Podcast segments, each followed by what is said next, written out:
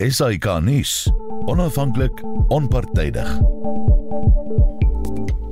Baie dankie Limarien. Soos ek sê, welkom by Kommentaar vanaand. My gaste is die Universiteit Stellenbosch se senior direkteur van sosiale impak en transformasie, Dr Leslie van Rooi.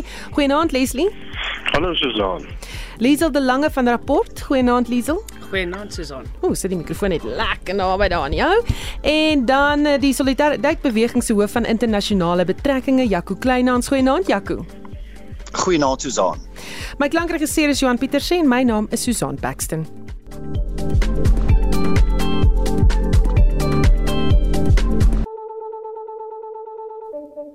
As jy by kans 2 minute oor 8 jy luister na kommentaar en ons begin vanaand met die openbare beskermer advokaat Bosisiwe Mqobani en gebeure rondom haar wat betref die ondersoek na geskiktheid om die pos te bekleë. Die regsverteenwoordiger van die openbare beskermer advokaat Dalim Pofu sê die 13,1 miljoen rand wat die taksbetalers reeds moes opdok vir sy dienste aan die beleerde openbare beskermer is peanuts, dit skryf hulle in die beeld.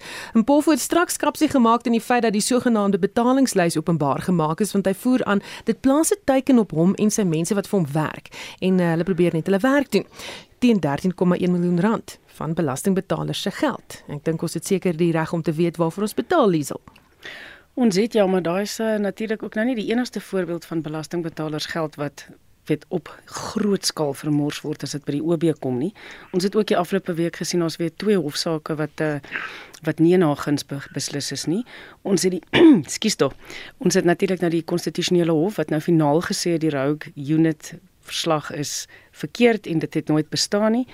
En ons het natuurlik die ander um, een ook oor die IT kontrak van uh, Pravin Gordhan wat uh, wat sy ook teen hom bevind het en wat die hof toe nou die Pretoria se Hooggeregshof gesê het, hulle het dit ook tersyde gestel.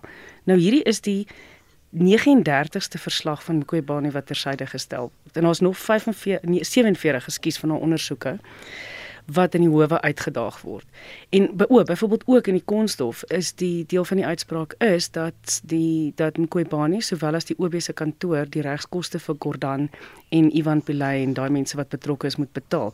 Nou hierdie is ook nie die eerste kostebevel teen haar nie. So die hoeveelheid geld wat nou al vermors is, ehm um, beide by die in die parlementêre komitee of die kostes daarvan sowel as die hofsaake wat sy die hele tyd loop en verloor is astronomies. Ehm um, as ons praat weer van Dalian Pofu, hy voel, voel vir my amper of hy hiermee wil sê, jy weet, uh, belastingbetalers mag nou nie weet hoeveel dit gekos het nie. Dit ten spyte van die feit dat hy gereeld aan die ontvang kan staan van belastingbetalers se geld. En Pofu het in 2009 die SAIK verlaat met 'n hulle noem dit 'n goue handdruk van 6,7 miljoen rand, die grootste wat die SAIK nog uitbetaal het. Ehm um, so hy is nie onbe onbekende ontvanger van belastinggeld nie, Leslie. nee, absoluut. Kyk, ek mag ek dalk net om om net kies ek dink nou 'n paar groot ander kliënte wat hom dalk nie kan betaal nie. As ek nou dan kan die voormalige president en so so miskien probeer op 'n ander manier fondse in. Ja, dit dit is absoluut waar. Ek dink Mpofu probeer sê dat uh, vir vir al swart regslyn in Suid-Afrika dan bevraagteken sou word uh, um, en natuurlik ook bevraagteken sou word op grond van kontrakte of dit wenslik sou wees of hulle geskik sou wees en of hulle deel is van 'n soort staatskaping uh noem dit maar infrastruktuur rondom die openbare beskermer. En daaroor het hy kapsie gemaak. Maar ek dink meer op homself is 'n uh, ou bekende in die in die regskringe veral uh van lede van die regering wat gediskrediteer is of word die die regeringsorgane ook soos in hierdie geval die, die openbare beskermer uh, en ek dink ons het reg om te weet. Ek dink Koffel is ook so goed met taktik om alles te vertraag dat dit veral ook uh, vermoed ek bydra tot die hoë kostes uh, rondom uh, die advokaat se betrokkeheid uh, en ek dink dit sal waarskynlik ook uitgedaal word. Kyk Suid-Afrika se Desember leesboek nasie. Uh en elke Desember is daar iets rondom die openbare beskerming of staatskaping en so wat uitkom en Jacques Pau se boek is een van hulle. Ek vermoed ons gaan ergens met die opvolgverhale ook nog 'n verhaal oor neem Pofu lees dat waarskynlik 'n klomp ander soek ander goed ook sal uitdaag of ten minste meer lig werp op neem Pofu se aksies. Nou, Jaco, hoe hoe hoe gaan dit sover met die ondersoek na die geskiktheid van die openbare beskermer vir haar pos as mens kyk na al hierdie verwikkelinge? Ja, Susan, as mens net kyk na wat wat gebeur ehm um, uh, tydens hierdie sitting van die spesiale parlementêre artikel 194 komitee, dan dan dan is dit eintlik 'n uh, eh, um, uh, ontstellend jy weet die optrede van uh, van die regspan van uh, advokaat ehm um, Mkhwebane. Jy weet ehm um, Vrydag uh, byvoorbeeld is die voorsitter uh, van die komitee herhaaldelik uitgedaag, jy weet, oor uh, besluite ehm um, oor maniere waarop die komitee funksioneer. Dit reg natuurlik die hele proses uit.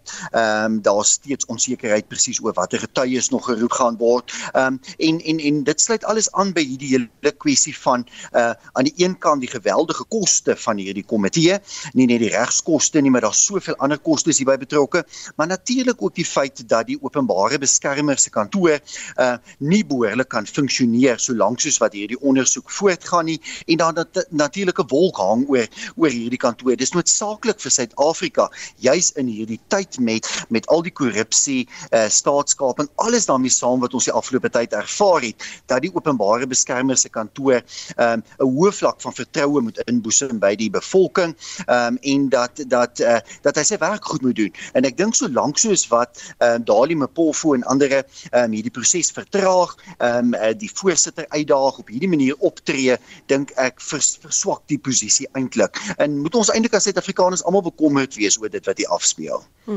Nou Liesel het gesê die Hooggeregshof in Pretoria het intussen die openbare beskermer se ondersoeke finale verslag oor Pravin Gordhan en die inkomste diens oor 'n IT-kontrak by die SAID ongeldig verklaar.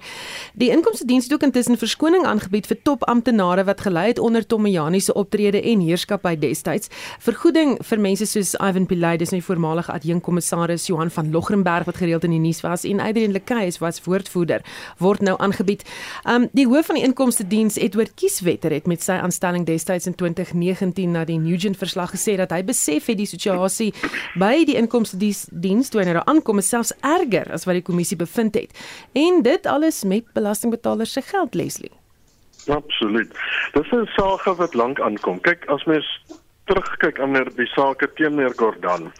Uh en uiteindelik uh, dink ek die die die saak rondom sy teruggeroep 'n paar jaar gelede uit die Verenigde Koninkryk terug Suid-Afrika toe deur die voormalige president uh om hom te diskrediteer en uiteindelik maar die wiele aan die rol te sit om van hom ontslae te raak en ons weer daarna Des van Rooyen aangestel en so. Dan is dit sake wat baie baie lank aankom. Uh dit het te doen met die die uh, diskreditering van Meir Gordhan, dit het te doen met 'n gevoel dat Meir Gordhan te magtig was of is, dit het te doen met 'n gevoel dat Meir Gordhan te veel van 'n sê het in in in staatsake veral destyds nog by tesorie uh en natuurlik dan nou ehm um, by uh onder andere dan nou by tesorie en dan nou ook later uh in verhouding uh, tot die groot geldmanne die wat ons belasting invorder en ek dink dis nog als die tentakels van 'n era uh, wat stadig maar seker verbygaan. Ek dink meer Gordhan het intussen al aanbeweeg. Ek dink sy versier is ergens anders. Ek dink die sogenaamde rook eenheid is al op verskillende vlakke ehm um, as ek die term kan gebruik skoon gewas en aanvaar dat hulle werk gedoen het. Ek sien uh, ons moet dalk ook begin om nie meer na die rook eenheid te verwys nie, maar 'n gewone ondersoek eenheid uh, binne SARS. Uh, ek dink daai era gaan nou vinnig verby en dit alles dra by met 'n gevoel dat die openbare beskermer in Kobane gewoon net nie opgewas is. Dit 'n taak om regtig namens ons op te tree en op die regte sake te laat ondersoek en om reg te laat geskied uh, aan aan geweldige groot sake wat massiewe implikasies het vir masjinerie wat Suid-Afrika finansiëel in stand moet hou en Suid-Afrika en die armstes veral in Suid-Afrika moet ondersteun om versorg te kan word. In daardie opsig bly dit beskande en bly dit um, 'n aanklag teen ons demokrasie wat ons ook hierdie episode in die kantoor van die openbare beskermer het. Liesel Ja, ek wil net eintlik ook by Leslie aansluit. Die interessante ding is uh, Johan van Logrenberg het juis in die week getweet na die konstof uitspraak is dat julle kan nou almal gerus ophou praat van die Rogue Unit. Die laaste woord is gespreek. Die Rogue Unit het nooit bestaan nie dit was 'n spesiale ondersoekeenheid. Hmm. En Jaco, wat beteken hierdie uitkoms nou? Sal iemand soos Tom Mojani nou erger vervolging kan verwag? Ja, uh, waarskynlik. Wie ek, ek miskryp partykeer die gevoel dat hierdie is sekerlik in 'n in 'n mate die laaste uh, stuiptrekkings van die van die Zuma era uh in Suid-Afrika. Ook ook hierdie hele uh parlementêre proses uh om Mkhwebane se se geskiktheid as openbare beskermer um uh, te ondersoek. Mense mense word eintlik 'n bietjie herinner um uh aan aan waar deur Suid-Afrika is. Eintlik die trauma waar deur Suid-Afrika is uh tydens die hele staatskapingsperiode. Um en, en en dat dit regtig noodsaaklik is ehm um, dat deeglike vervolging eh uh, na die sondekommissie se werk ehm um, uh, regtig noodsaaklik is. Jy weet dat dat ons dat ons in Suid-Afrika uh, soveel skade gelei het ehm um, polities, ekonomies en op ander vlakke dat dit regtig nodig is dat dat hierdie werk gedoen moet word en dit is juist hoekom dit belangrik is dat baie van hierdie eh uh, prosesse uh, afgehandel moet word. As mens net kyk presies ehm um, soos Liesel gesê het die 39 eh uh, sake wat nou al uh, deur die hof ehm um, uh, verslaaf van Kubani wat al reeds deur die hof ehm um, uh, bevind is dat dit dat dit ongeskik was. Jy weet die hoeveel uh, hoeveelheid wat nog uh, uh, dieselfde paadjie kan stap jy weet. Dan dan is dit raak dit regtig nodig dat hierdie prosesse afgehandel word dat Suid-Afrika moet aanbeweeg dat 'n bekwame openbare beskermer aangestel moet word. Ons het reeds gesien dat groot werk by SARS gedoen is. Die herstelproses daar die afgelope paar jaar ehm um, waaroor mense eintlik verlig kan wees uh, om die om die staatskas eintlik in 'n sin te herstel. Maar ja daar's daar's groot werk nodig um, uh om om om eintlik al die gevolge van die staatskapingsperiode te herstel en een daarvan sonder twyfel. En ek dink Suid-Afrikaners vereis dit, die Suid-Afrikaanse bevolking vereis dit dat daar vervolging van verskeie persone moet plaasvind. Goed, ons gaan aan na 'n volgende tema toe ook 'n storie wat uh jy weet hoofnuus was die hele naweek. Al die ANC se nasionale uitvoerende komitee het uh, die naweek vergader en na verwagting sou daar in diepte gesprekke gewees het oor Palapala. Klink my daar was. Volgens die Daily Maverick se president Cyril Ramaphosa probeer dit om sy kant van die saak te stel oor gebeure daar en glo volgens hulle bronne sou daar 480 000 dollar op die plaas gewees het en dat die aanvanklike berigte van 4 miljoen dollar nie korrek was nie. Hy het uh, glo ook gesê dat hy nie enige belasting belastingwette oortree het nie al was hy in diens van die staat omdat hy geen betaling ontvang het vir die plaas van die staat af nie en daarom het hy dit nie aangemeld nie. Nou intussen hy's uh, aangemoedig om ook op sy te staan en ek sê dit redelik liggies hy's aangemoedig dit was 'n geweldige gesprek um, deur lede soos Tony Ngeni. Nou Ramaphosa se woordvoerder het egter vroeër vanmiddag gesê die president sal op sy staan as hy aangekla word. Dit is 'n nuwe verwikkeling. So kom ons hoor gou-gou wat het hy gesê daaroor constitutionally enshrined presumption of innocence until proven guilty remains. And so I guess the question is best posed to those who've made the call for the president to step aside as to what informs those calls. Um, should the president be charged, he will gladly step aside, should it be the case. But as things stand, there are no criminal charges against the president. What you have is a series of investigations that he's fully cooperating with, and he will continue to do so until those investigations are concluded. Leslie, wat maak jy hiervan? Sure, ja, ek vermoed dit was 'n lang naweek vir die president.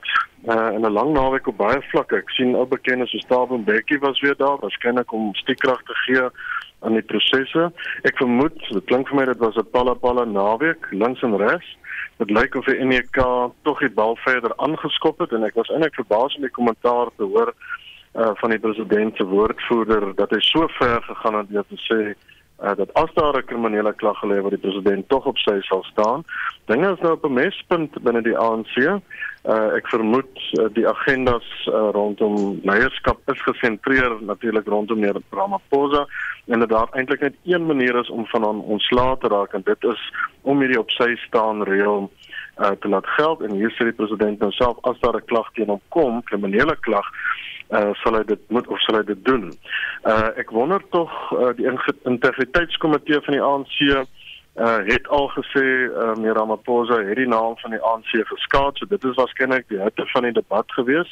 Ek vermoed dat die agenda oorheers en, en mense kan dit verstaan want dit gaan hier oor die hart van wie oor 'n paar weke verkies moet word. Maar ek is tog verbaas of miskien selfs bekommerd dat daar 'n klomp ander sake waarskynlik nie bespreek was nie klink dit my. Ek is nog nie seker of al die takke en streke van die ANC gereed is uh vir Desember nie. Uh en dis jammer dat waarskynlik hierdie agendapunte onderskou. Oorskary was deur die feit dat uh, die Pala Pala saak hoog op die agenda was. Hm. Jaco, eh, en as ons praat van of as hy nou die die woordvoerder sê die president sal op sy staan as hy aangekla word, eh, geld hierdie reël vir hom uh, as 'n president? Is dit in die regering of die wetgewer se wette ingeskryf? Wel ek dink hulle ver, verwys waarskynlik hier na die ANC se interne reëls en waarskynlik die die werk van die integriteitskomitee uh, nou die integriteitskomitee se verslag is ook so 'n bietjie kantlyn toe geskop wat vir ons wys dat hier waarskynlik 'n baie uh, gespanne situasie die naweek by die UNK uh, se vergadering was. As mens net vanmiddag kyk na um, Ramaphosa se afsluitingswoorde van die vergadering, hy het moeg gelyk, um, uh, hy het gespanne gelyk en hy het natuurlik was hy nie bereid om vrae van die media uh, te beantwoord antwoord nie. So mense kan aanvaar uh, dat die messe uit is dat hy die naweek onder uh, groot druk verkeer het en dat dit waarskynlik ehm um, wanneer ons kyk na die hele opstaan op sy staan reël dat dit dat dit waarskynlik hier verwys na die interne uh, eh, ANC proses. En uh, dit is alles minder as 5 weke voordat die die leierskapskonferensie uh, moet begin en en ek dink ons moet ons kan as alle Suid-Afrikaners sekerlik bekommerd wees. Jy weet, hierdie was die eerste ehm um, uh, fisiese NUK vergadering in meer as 2 jaar waar hy die lede bymekaar gekom het. Dit is die regerende party uh van die land en daar's baie belangrike kwessies. Jy weet terwyl ons hier sit te gesels gaan die ligte in my huis aan. Ons almal sit met beerkrag. Die energiekrisis in Suid-Afrika is ernstig. Ons beleef nog die naderdraai van die ehm um, staatskapingsproses uh wat daar gebeur het en uh dit is baie duidelik dat uh wat die naweek afgespeel het by die UNK vergadering is die geweldige verdeeldheid in die ANC en Nomvula Mokonyane het Vrydag uh al eintlik gewaarsku uh, dat sy verwag dat die verdeeldheid in die party eintlik gaan domineer uh, hierdie naweek. Uh, en die hele Pala Pala kwessie is maar 'n element daarvan. Dit word maar gebruik ook um, uh, deur deur elemente binne die ANC uh, teen die president. So uh, ons sit uh, teen Sondag aand na 'n 3 dae lange UNIKA vergadering uh, met waarskynlik 'n meer verdeelde ANC uh, as as as voor ehm um, uh, hierdie uh, vergadering wat almal bekommerd moet maak en 'n mens moet amper simpatie hê met Galema Motlanthe en wat natuurlik die voorsitter is van die verkiesings uh, komitee van van die ANC om om hierdie hele proses deur te sien oor die volgende 5 weke. Hmm. Terwyl Jaco nou verwys na die president se afsluitingstoespraak, ehm um, weet uh, tydens hierdie toespraak om die vergadering af te sluit het hy nie die Palapala kwessie aangeraak nie of die druk het hy moet op sy staan nie. Hy het uh, ook nie vra na die tyd soos Jaco gesê het deur die media toegelaat nie, maar kom ons hoor gou wat hy wel gesê het. These interventions include the extension of the social relief of disaster grant until March of 2024, the temporary relief of fuel prices, the continuation of VAT zero rating of key food items, and the consolidation of our social security and protection system with social grants, which reach around 18 million South Africans. Liesel, wat maak jy van hierdie toespraak en hierdie vergadering sover? Ekskuus, ek dink in die eerste plek as president van die land is dit in elk geval onaanvaarbaar dat hy nie die land toespreek oor Pala Pala nie. Weet hy het nou met die regerende party gaan praat en ons het nou inligting oor wat daar gesê is, maar hy het nie amptelik met Suid-Afrikaners gepraat nie wat hy in die eerste plek behoort te doen ook. Interessant ook is dat hy dit lyk my dat al Vrydag begin praat oor Pala Pala en spesifiek ook Nkosazana Dlamini Zuma wat een van sy waarskynlike uitdagers is vir die leierskapsposisie in Desember wat die eerste groot aanval geloods het lyk my volgens die berigte uit die NK uit. En sy het toe nou ook mos nou gesê hy moet op sy staan en soos uh, soos uh, my kollegas nou ook al gesê het hierso, jy weet daar dit was duidelik 'n baie hittige UNIK. Maar wat interessant is ook is die integriteitskomitee het in hulle verslag ook gesê dat die party is uh die mees verdeeld ooit, dat dit actually dat dit weet die hele tyd vererger en dat die ANC eintlik sy eie ergste vyand is en dat uh, soos hulle dit genoem het, ek dink uh, patriotiese Suid-Afrikaners uh, are watching in horror hoe die party basies soms weet weet die oor die oor die ANC begin disintegreer. Maar die feit bly staan die o en wat o ekskuus wat ook interessant is net om terug te kom by die integriteitskomitee is dat hulle het ook bevind teen Willem Kies. Maar daar het juis Ramaphosa hulle uitgekom ook en gesê maar hy is ook nie aangekla nie so die op sy staan reël geld nie. So hier sit jy met twee van die kandidate wat ons waarskynlik op die stembrief gaan sien in Desember wat in 'n in daai tipe posisie hulle self nou bevind. Maar uh ook gepraat daarvan die die dit is so half 'n 'n kopie, jy weet of 'n voorloper van die eintlike verslag van die integriteitskomitee wat uitgelek het en die woordvoerder van die ANC Polemabe het dit in sterkste ontkenning gesê die verslag het nog geen basis nie. Ja, kyk maar ek weet hulle probeer nou maar om dit praat, né? Om uh, in 'n poging om om verby die implikasies van hierdie goed te kom. Want is ook interessante ehm um, Lindiwe Sisulu wat haarself uh, soos die Engelse sou sê fancy as 'n kandidaat vir die presidentskap, maar dit gaan duidelik nie dink nie sy gaan eers op die stembrief beland nie. Maar sy het ook 'n baie giftige onderhoud met City Press gehad waar sy ook te velde getrek het teen Ramaphosa. En dis natuurlik nou ook 'n ander ding wat 'n mens ongemaklik stem want hierdie is mense wat in sy kabinet dien. Jy weet nou sit jy en wonder maar hoe werk julle nou kon sy saam om die land vorentoe te vat? Nie nie dat ons dink die regering hou homself daarmee besig nie. Daar's te veel interne politiek ongelukkig. Maar ja, jy weet hierdie is nou die mense wat hom aangevat het en hom beledig in die openbaar en swaan en en uh Die vraag is wat gaan hy nou met hulle doen? Hmm. Leslie, jy daan geraak, ehm um, wat dink jy moes hulle alles bespreek het by hierdie vergadering? Ek dink ek miskien net is ek ek het altyd vra oor oor 'n uh, verstaane van verdeeldheid binne die ANC. Ek ek het nog altyd stories gehoor dat die ANC nooit 'n absoluut geïntegreerde eenstem party was nie. Ek dink daar's daar was die hele tyd oor die ANC se geskiedenis hierdie kampe, hierdie gevoel van verdeeldheid, hierdie bestuurstyl, hierdie verstaan. Die verskil tussen nou en toe uh was die feit dat daar in veral uit die nasionale uitvoerende komitee van die ANC 'n soort van 'n verstaan was van leierskap. Uh die groot figure binne die ANC se geskiedenis uh het gehelp om besluite in 'n rigting te kry. Daai dae is verby. Ek dink die groter klem uh moenie wees op verdeelde nie, maar dit is integrasie soos wat Liesel gesê het van die ANC. En dis is wat ek dink bespreek moes word by die NK. Nie pala pala nie. Dit gaan hier natuurlik oor die posisionering van Ramaphosa. Hy is waarskynlik die sterkste kandidaat om weer president van die ANC te word. Om hom te diskrediteer is daar een stok om mee te slaan en dis die volle geslag, maar die disintegrasie is waarskynlik iets wat veel meer aandag moet kry. Ons sien nog gaan verkiesings op 'n plaaslike vlak. Uh, Ramaphosa probeer uh, om by soveel provinsies as moontlik uit te kom om seker te maak dat daar genoeg uh, van 'n legitimiteit in die verkiesing van die takke is, dat genoeg takke uh in goeie stand is sodat hulle kan stem vir die takke om uiteindelik te stem uh op grond van uh, leierskap aan die provinsie en uiteindelik dan vir genoeg verteenwoordigers, legitieme verteenwoordigers om in Desember oor 5 weke by die konferensie uit te kom. Dis 'n baie baie groter uitdaging vir die ANC. Ons het in die verlede gesien daar was 'n hele klomp hofsaake voor die tyd. Daar was vrae en daar sal weer vrae wees uh oor uh of die die takke en die streke ehm um, uh, legitiem verkies was uh of hulle in goeie stand is met ander woorde of hulle verteenwoordigers kan wees dis 'n baie groter vraag. En dan natuurlik saam met meneer Ramaphosa maar ook ander leiers verkies word. En as die party begin disintegreer moet die gesprekke gaan oor wie die ander is wat die leiersels in die top 6 kan vashou wie die ANC mee saam gaan werk post uh, die verkiesings wat kom of die ANC oop is uh om en nie net die ANC nie maar ander partye oop is om samewerkende regerings daar te stel, koalisies daar te stel en so. Ek dink dis baie belangrike sake wat nou bespreek word, maar ek vermoed die spits wat gedryf sal word bly die een oor Paula want dit gaan hier oor Cyril Ramaphosa en of hy uiteindelik verkies herkies sal word as president van die ANC en dit is die groot stryd en ongelukkig is dit tekenend van die disintegrasie wat rondom hierdie gesprek uitspeel. Hmm. En dit uh, is sommer so interessant, 'n uh, klomp mense wat saam luister, luisteraars by die huis en ek sien Jan Jan Joubert is ook besig om die gesprek te volg wat julle het. Hy sê onthou net Ramaphosa stel Batoy aan en dis sy wat moet besluit of hy aangekla moet word. Wat 'n interessante punt is wat hy maak. Uh maar intussen, terwyl al hierdie dinge aan die gang is, stap die tyd al nader vir die leierskapskonferensie in Desember. Uh glo sou 90% van die takke toe wel die spertyd gehaal het om hulle nominasies in te dien vir leierskapsposisie en is Ramaphosa glo los voor. Amiako, um, terwyl al die goed aan die gang is by die leierskap uh, leierskapskonferensie of uh, by die NK vergadering, wie slaan mint uit die gebeure en wie nie?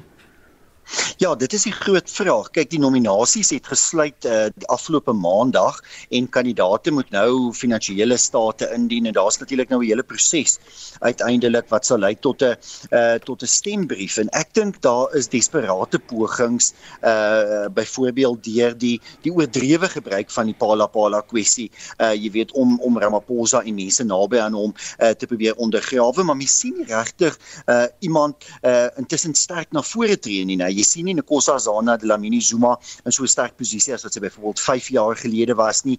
Jy sien nie Zweli Mkhize met die soort van openbare steen of steen uit takke uh, wat regtig hom 'n formidable uitdager uh, van Ramaphosa kan maak nie. So ten spyte van dis al hierdie uh, verdeeldheid of binnengevegte of wat mense dit ook al wil noem, sien 'n mens nie noodwendig uh, enigiemand anders sterk na vore tree nie. Wat ons wel sien, um, natuurlik is die verswakking van die ANC. 'n Peiling hierdie week, uh, die afgelope week het nou gewys dat as daar nou 'n nasionale verkiesing moet plaasvind, sal die ANC 40% van die stemme kry.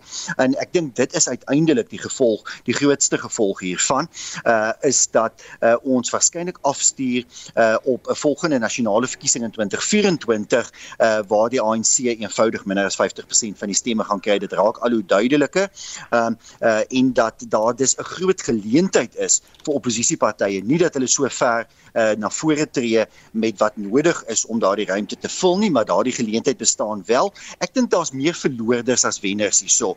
Uh, Susan, ek dink dit is wel belangrik om in, om in te sien die ja, die ANC is duidelik 'n verloorder hier, uh, maar Suid-Afrikaners is 'n verloorder hier. Hoe langer hierdie hierdie krisis uh, uh verdiep en voortduur hierdie eintlik hierdie interne afbreek van die ANC wat eintlik 'n lang proses oor die afgelope paar jaar is, uh, hoe duurder prys betaal uh, Suid-Afrika en Suid-Afrikaners hiervoor en ek dink my vrees is eintlik dat ons dus oor die volgende tyd uh, heelwat meer daarvan gaan sien. As ons sien dat uh, dat kabinetslede uh, die president so in openbaar aanval dat daar dus 'n uh, waarskynlike totale wantroue tussen kabinetslede is, dan kan mense net dink hoe moet 'n kabinetsvergadering plaasvind? Hoe moet strategiese regeringsbesluite geneem word, suksesvol geneem word en uitgevoer word? Ek dink nie dit is moontlik tans om dit te doen nie.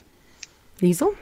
Ja, ek wil juist ook daar aansluit 'n interessante punt wat uh, Leslie nou ook gemaak het, weet belangrike kwessies. Uh, mense eintlik wil uh, meer gelekte inligting oor die koalisiegesprekke uit die ANC geleedere wou gehad het om te hoor wat sê hulle juist in die lig ook soos Jaco nou genoem het, jy weet al hoe meer peilings wys dat hulle heel moontlik diep in die moeilikheid gaan wees en weet mag op plekke kan verloor in die volgende verkiesing. So ons sou baie graag wil weet wat is die, die plan rondom koalisies daar, maar ongelukkig jy weet ja, die, op die oomblik is die leierskapstryd alles oorheersend en 'n uh, kollega Dawie Boonsaai het vandag berig sy bronne in die ANC het gesê dat omtrent 70% van die takke wat nou ehm um, weet wat afvaardigings gaan stuur Desember steun vir Ramaphosa.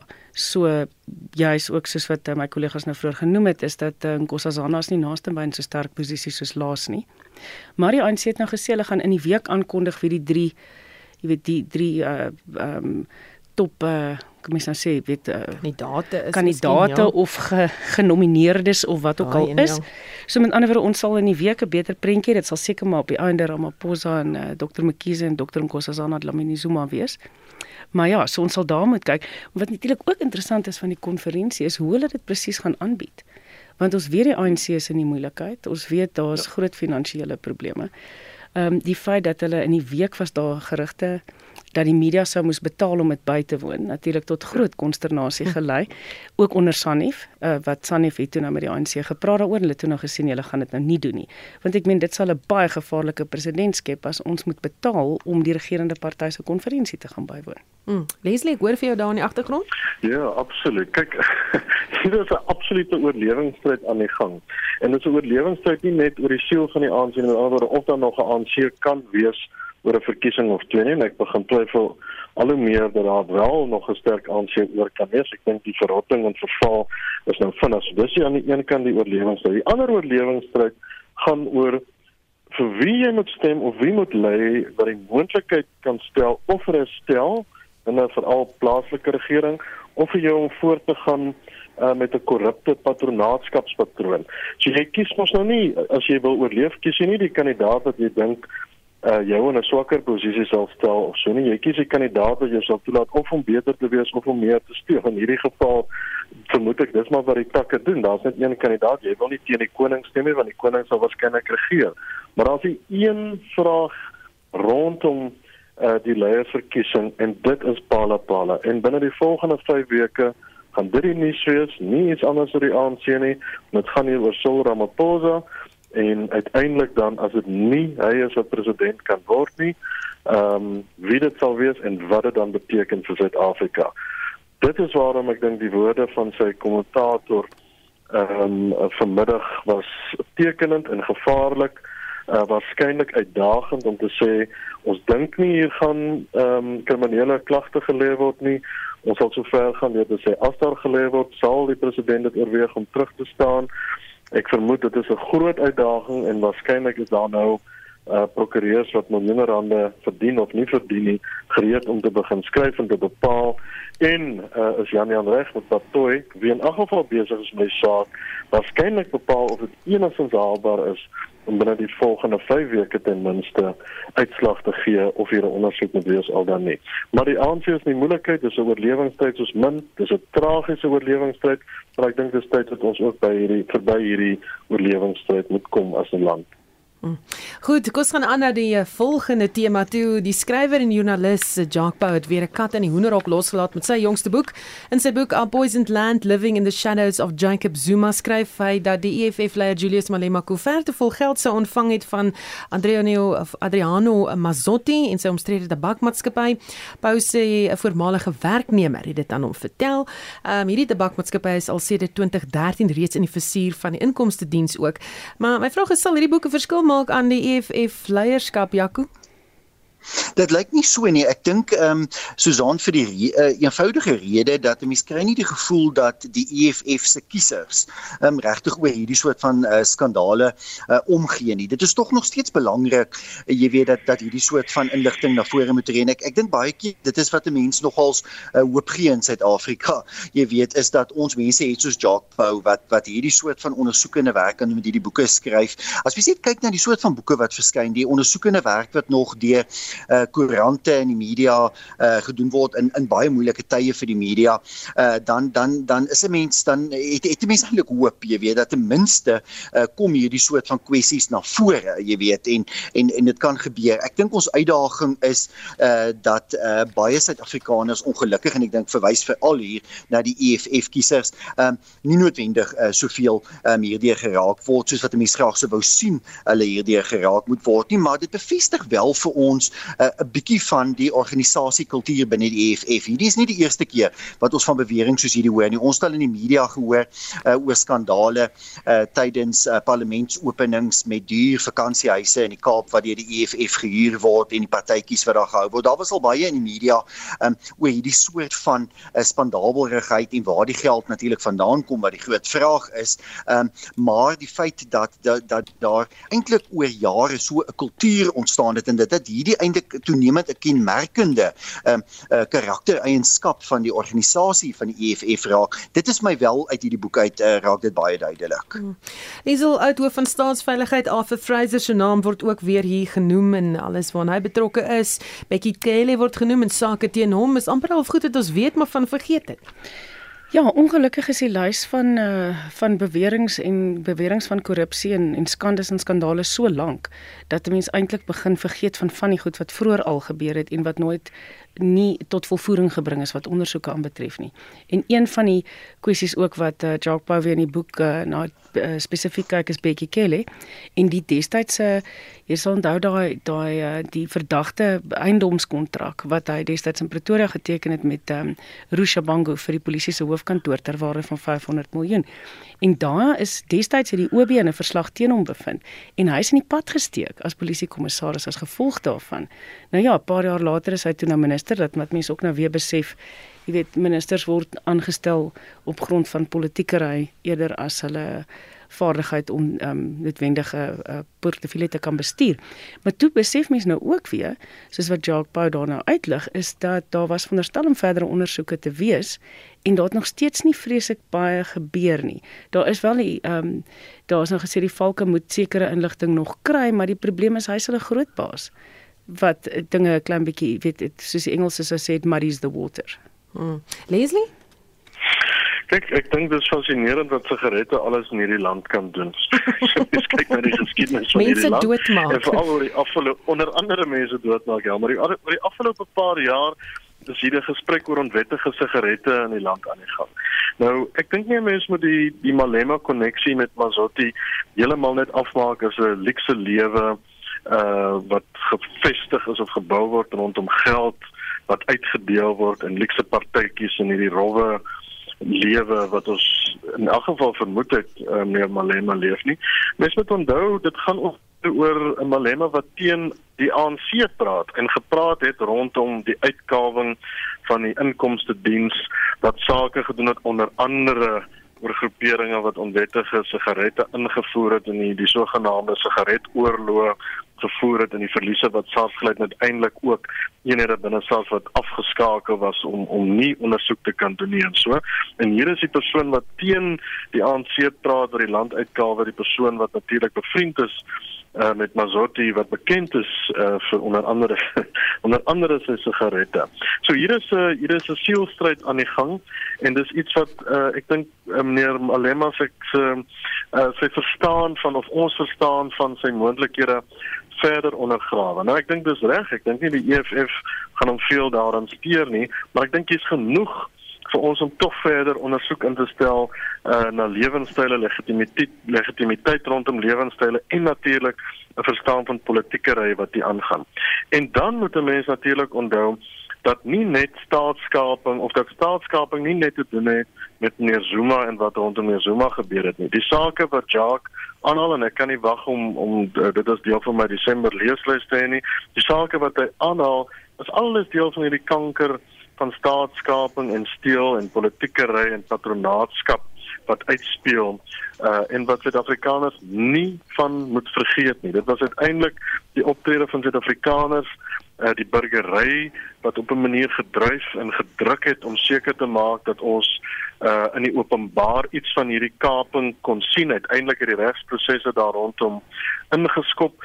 Dit sal ons wees wat moet onthou waar hierdie land was en gedeeltelik is en om hierdie land uit te kry waar ons was kan ons nie staat maak uh, op die malemas of die politieke Jesus nie ons sal die burgery weer moet aanwend so hierdie boeke hierdie gesprek om dit aan die gang te hou om dit uit te haal om dit weer te wys dink ek is goed dink nou maar ook oor die gesprekke rondom Stanaas die afgelope paar maande dit help om in die geheue te bly en uiteindelik help dit ons ook om druk uit te oefen op die staatsorgane wat ons moet beskerm en wat moontlikhede vir ons waar moet maak om op te tree indien er inkomstig ehm um, van hierdie kanker ontslae te raak. Hm. Is nou 2037 jy luister na 'n kommentaar my gaste die stem daarvan eh, Dr Leslie van Rooi ons het ook vir Liesel de Lange en vir Jaco Kleinhans Transformasie by Maties, die oud kanselier van Noordwes Universiteit teens Elof waarsku die week in rapport dat aanbevelings van die Kampepe kommissie tot 'n tweede vissoek kan lei. Een van die aanbevelings is dat alle eerstejaarse module gaan moet voltooi wat hulle krities gaan laat dink en leer oor kwessies van diskriminasie. Oud regter Sisi Kampepe het egter gewaarsku dat dit interessant gemaak moet word vir studente sodat dit nie net voorkom as breinspoeling nie. Ehm um, daar's baie mense wat die voorstel voorstaan en sê dit sal studente voorberei op die kwessies as hulle eendag in die werksmag staan en dat alle universiteite eintlik so iets moet hê, Jaco?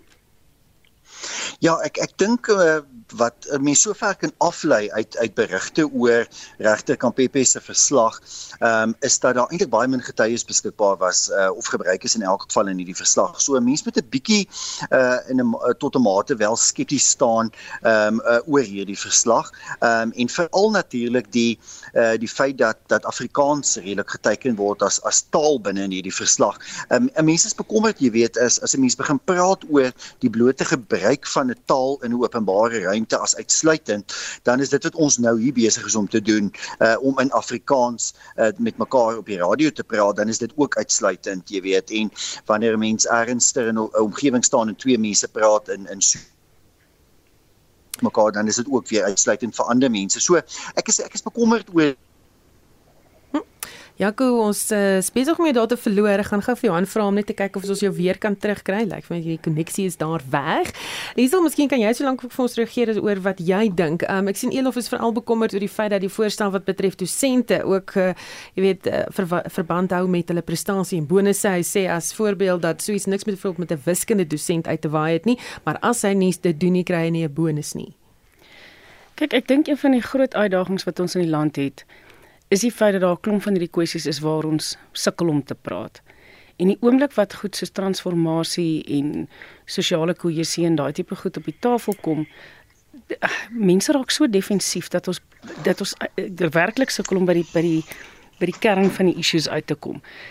So ja, ons moet 'n manier vind om met mekaar te praat. Ons moet 'n manier vind om na mekaar te luister, want as jy ook kyk na die reaksie op die verslag, uh weet baie van die reaksies op dele van die verslag en ek dink almal van ons met daai verslag baie deeglik gaan deurlees en gaan kyk na die verskillende dele van haar verslag en wat presies sê sy nou eintlik daarin.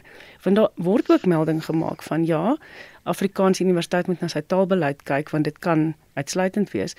Maar sy sê ook daar iewers maar daar moet ook na die regte van die Afrikaans sprekende uh, studente gekyk word. Jy weet so dis nie iets wat sy heeltemal uitgooi nie. En ja, jou probleem jou probleem is is dat ons raak so emosioneel as ons na hierdie tipe goed kyk dat ons werklik sukkel om om dit behoorlik op te weeg.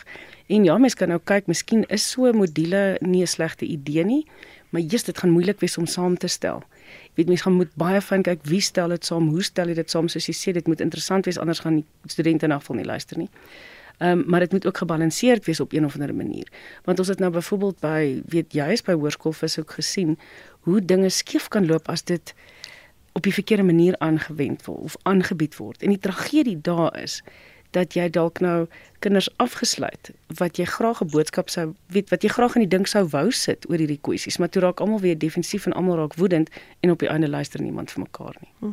Leslie, jy's by universiteit, jy het die verslag aangevra, maar dink jy hierdie is eh, die begin van 'n gesprek wat lankal moes plaasgevind het? Ja, sjoe. Dan vra jy my 'n ewige vraag om graag te antwoord. Ek moet eers 'n bietjie konteks gee. Ek dink uh, niemand wat luister sal waarskynlik verskil met die feit dat Stellenbosch 'n baie goeie universiteit is nie. Dis 'n wêreldklas universiteit. Dis 'n universiteit uh wie se impak en waarde nie net in in sy afgestudeerdes nie, studente wat nou afstudeer nie, maar ook in sy impak in terme van wetenskap internasionaal gereken word. So Suid-Afrika kan regtig trots wees op sy universiteite, so ook die US. Ek dink wat die verslag sê is Universiteit Stellenbosch, jy's 'n goeie universiteit, maak seker dat jy nog beter word. En dit is nie anders as verslae sedert die middel 2000s na die val van apartheid en die heroriëntering van die universiteit nie, maar hier is nou 'n vraag oor uh hoe uh ons uh, jare na 94 en uiteindelik jare na die insluiting van binne swart studente en personeel nog hierdie ongemak uh op ons kampusse kan hê wat veral swart en bruin kollegas en studente ongemaklik voel. En dit is die vraag wat anders is in hierdie verslag. Die universiteit het lank uh, oorweeg om uh algemene module in te stel. Dit is nie uniek aan hierdie universiteit nie. Dis ook nie uniek in die Suid-Afrikaanse konteks nie. Inteendeel, in sekere dele van die wêreld by topuniversiteite doen jy gewoon 'n algemene graad wat jou help met kritiese vaardighede en denke en konteks ons uh, graadprogram in Suid-Afrika is hiper gespesialiseer. Dit maak dit moeilik om algemene uh, modules of algemene graadkursusse te implementeer. Dit sal ook hierdie uitdaging wees. Ek dink dis dis heeltemal onmoontlik om 'n universiteit soos die ES te vergelyk met 'n hoërskool in 'n voorstad van Kaapstad. Die twee kan nie naasendheid met mekaar vergelyk word nie.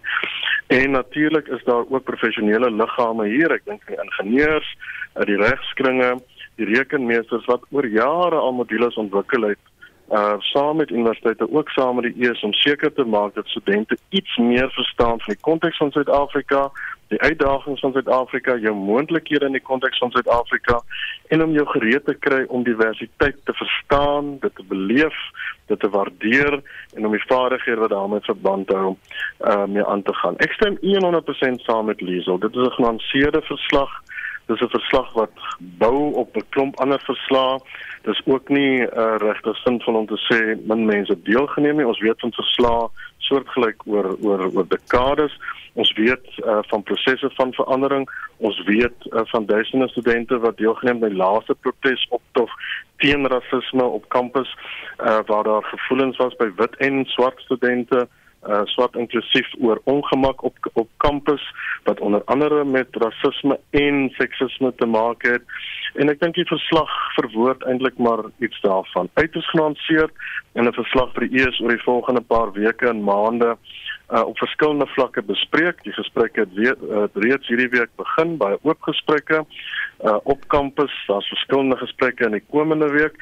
Dis 'n verslag wat as 'n verslag gelees word, nie as 'n wetgewing nie, nie as 'n hofsaak nie, maar dis 'n verslag wat werklik die ES help om seker te maak dat ons nog beter as universiteitsgemeenskap moet wees.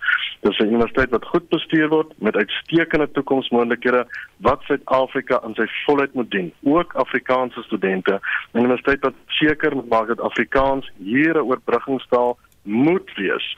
Waar dit nie gesien word as 'n taal wat uitsluit of seermaak of iets herinner van die toekoms nie. En daardie gevoel rondom Afrikaans is daar baie werk oor en daar sal skole, daar sal ander organisasies moet help om hierdie stigma en hierdie rowwe ruit van die geskiedenis van Afrikaans veral binne die konteks van hoër onderwys af van te sien Suid-Afrikaans gesien word as 'n gemaklike taal wat ook op 'n kampus soos die ES uitgeleef en beleef word en dat jy ook kan transformeer of verander binne die konteks van Afrikaans. Ja, sien, ek dink almal gaan dit met groot oë dophou. Kom ons gaan buiteland toe. Die Amerikaanse verkiesing die week het groot verrassings opgelewer. Een van die opskrifte die week was eh, demokrasie wen en Trump verloor. Voor die verkiesing het president Joe Biden daarom gewys dat demokrasie hier is eh, is hier op die spel en Amerikaners het hulle krisis getrek om dit te beskerm. Hoe belangrik was hierdie verkiesing, Jaco? Uh, dit was 'n baie belangrike verkiesing uh uh Susan want dit vind natuurlik plaas in 'n tyd waar jy 'n baie ongewilde president het. Joe Biden uh is meer ongewild as wat Barack Obama in 2010 was toe die Republikeine meer as 60 setels in die Huis van Verteenwoordigers gewen het.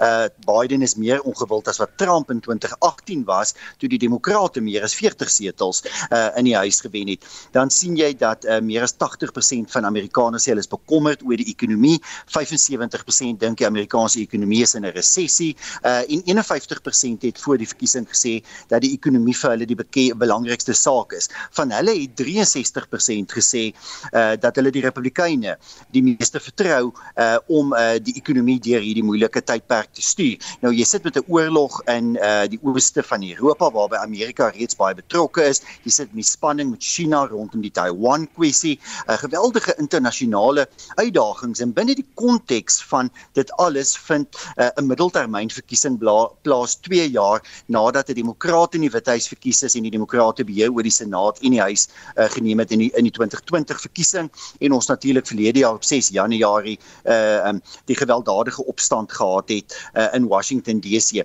Nou uh, binne daardie konteks uh, uh, sou mens verwag het ook histories as jy net verkiesings gaan ontleed oor meer as 100 jaar dat die Republikeine uitsonderlik goed moes doen. Uh dat hulle definitief beheer oor die huis moes neem en dit het hulle gedoen maar dat hulle ook eintlik die senaat moes wen en meer goewerneurskappe en ook wetgewers in state. Dit het natuurlik nie gebeur nie. Daar was 'n duidelike onderskeid gewees en en hier moet 'n mens wel sê, ek dink die demokrasie in Amerika het gesê vir die demokrasie is eintlik sterker as wat ons dink. Kiesers is intelligenter as wat politici baie keer dink, want kiesers het gekies vir kandidate met 'n bewese rekord, kandidate wat nie net op populisme probeer verkies word nie. Dikwels dis kandidate wat weggetree getree het van Donald Trump as ek nou aan die Republikeinse kant verwys, uh het jy baie keer 'n uh, besonder konservatiewe kandidaate gehad wat ver gewen het, soos in Florida waar die gouverneur Ron DeSantis uh herkies is.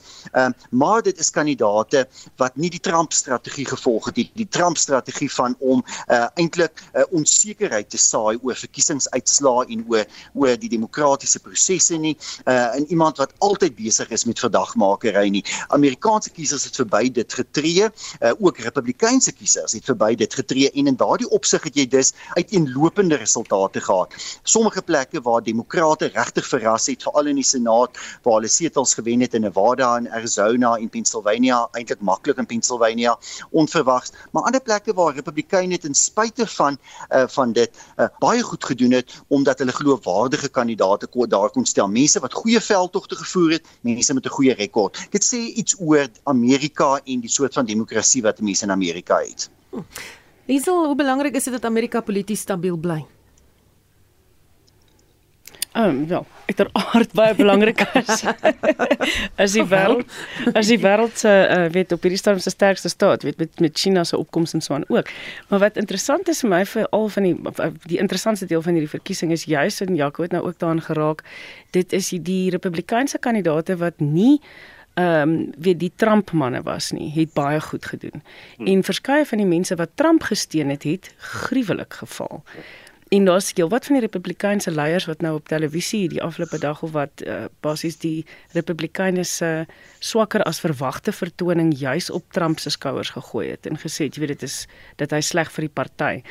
So, ten minste, jy weet, lyk dit ehm um, weet almal verwag het hy wat hier teen Dinsdag, Woensdag gaan aankondig dat hy uh, weer wil staan. Ehm um, weet maar dit lyk tog asof sy kansse verskraal en die einste ehm um, goewerneur in uh, Florida wat so goed gedoen het en wat juis nie 'n Trump man is nie en Trump het hom voor die verkiesing vreeslik uitgehaal.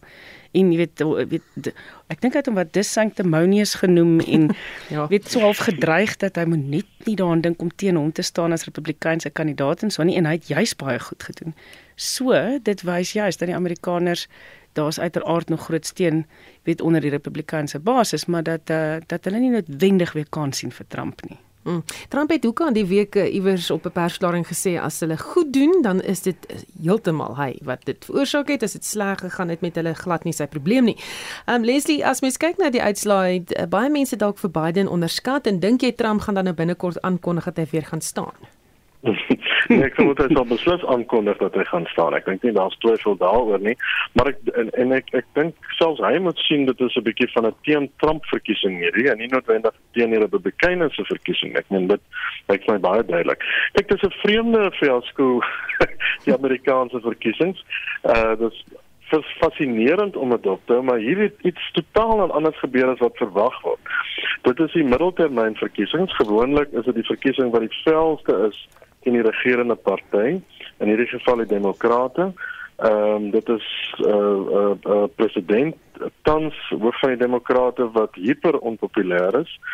Dis nie teenstaande uh, met die demokrate glad nie sleg gevaar in verkiesing nie. Ek dink dit was verwag nie. Maar ek dink ons het ook lankal gesien mense moenie die die Amerikaanse verkiesing uitslag so vroeg verwag of vroeg bepaal nie. Jy moet maar wag tot aan die einde. Dis 'n hoogs verdeelde Amerika, ongetwyfeld. Ek vermoed wel die syne uit hierdie verkiesing is uh dat uh Amerikaners tog bereid is om binne die demokratiese bestel saam te kan werk en inderdaad om die beste moontlike leiers te kan kies ook in die republikeinse sfeer teen die idee van Trump en verdagmakery en vervreemding.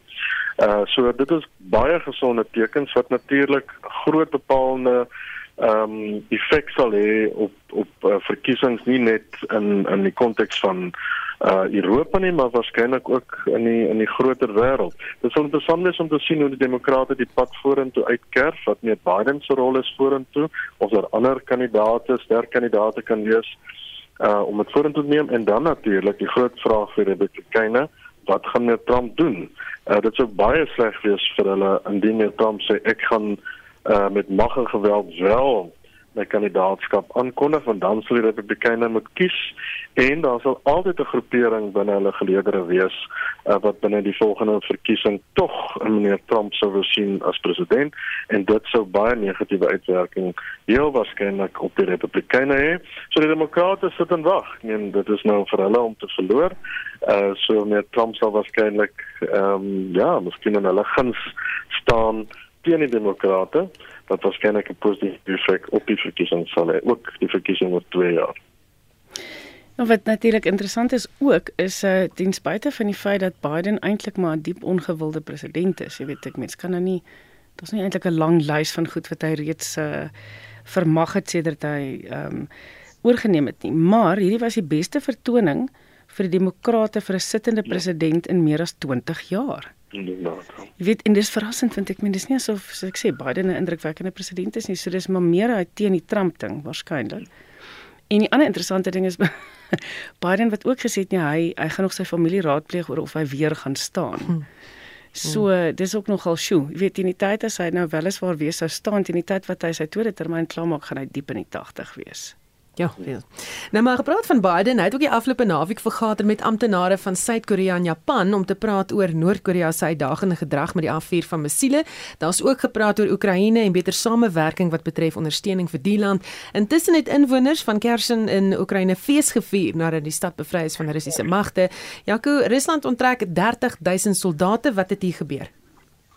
Ja, ehm um, Susan, ons het natuurlik die G20 beraad wat wat hierdie week uh plaasvind, ehm um, 'n baie belangrike leierskap beraad en mense het regtig sterk leierskap tans uh in die wêreld nodig. Nou dit is eintlik dink ek een van die dinge wat wat baie mense bekommerd maak, jy weet, is die soort van leierskap wat uit Europa uh en die VSA kom. En en in daardie opsig is dit baie belangrik uh, om dop te hou wat in Oekraïne gebeur en die ondersteuning wat Oekraïne van VSA en Europa ontvang. Dit is baie duidelik dat die militêre ondersteuning ondersteuning, die verskaffing van wapens en ammunisie uh, vrugte begin afwerp vir Oekraïne. Hulle het die afgelope weke met groot sukses Rusland uh, begin terugdruk eers uit die noordooste uiteindelik al hoe verder uh, suid en hulle is nou in die suidooste eintlik die die grootste sukses met Rusland se aankondiging dat hulle uit uit Kherson um, self gaan onttrek. Um, en dit is eenvoudig omdat die Russiese weermag besef dat hulle tans nie oor die vermoë beskik om die stad uh, te beheer nie. Um, Oekraïne het 'n baie baie beter uh, missiele wat hulle tans afvuur. Um, en en Rusland se uh, soldate het 'n baie lae moraal. Hulle is nie behoorlik toegerus nie. Baie van die jong soldate wat die afgelope paar weke ingetrek is um, deur uh, Vladimir Putin uh, beskik nie oor goeie opleiding nie. Uh, so die Russe is in 'n baie baie slegte proses op hierdie stadium. Hulle duidelik hulle strategie verander um, van 'n aanvalstrategie na 'n verdedigingsstrategie waar hulle gaan probeer om dele wat hulle tans beset uh, te verdedig um, en glad nie meer nuwe grondgebied uh, te probeer bywen nie.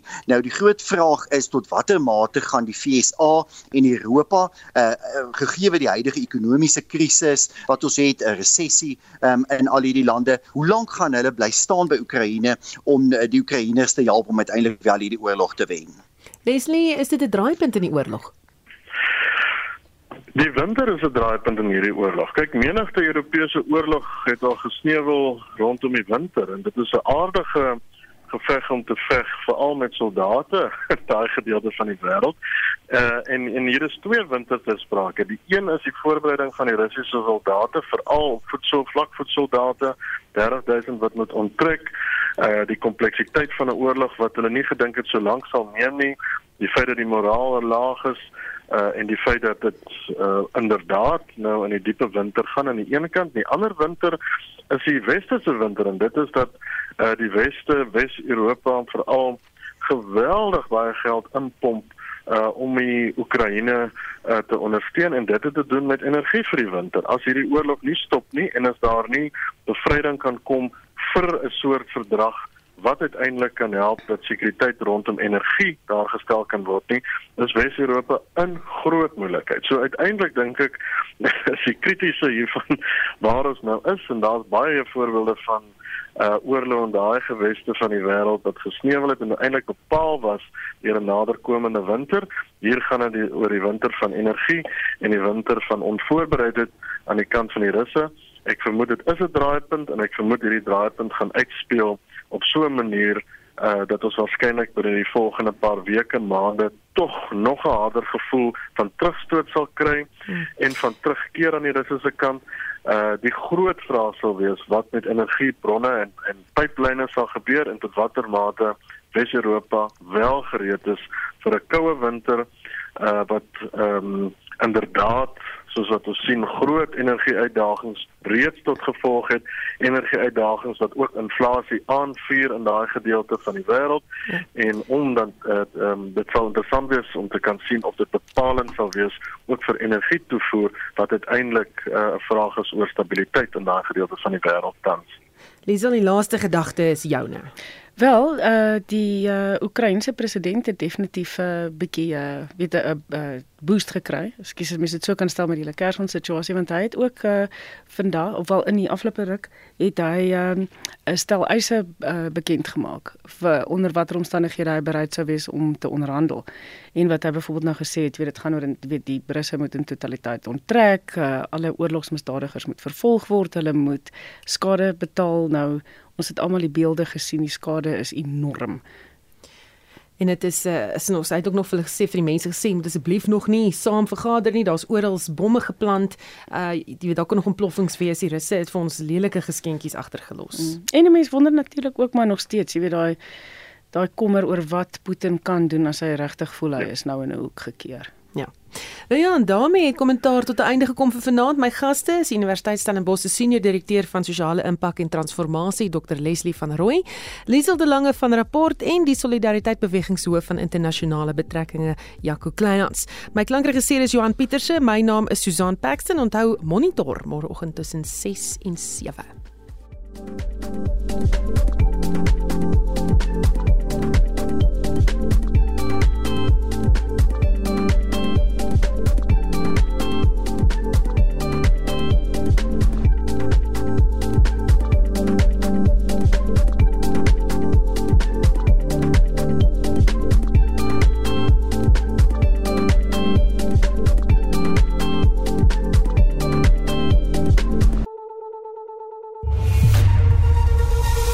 SAK nuus. Onafhanklik, onpartydig.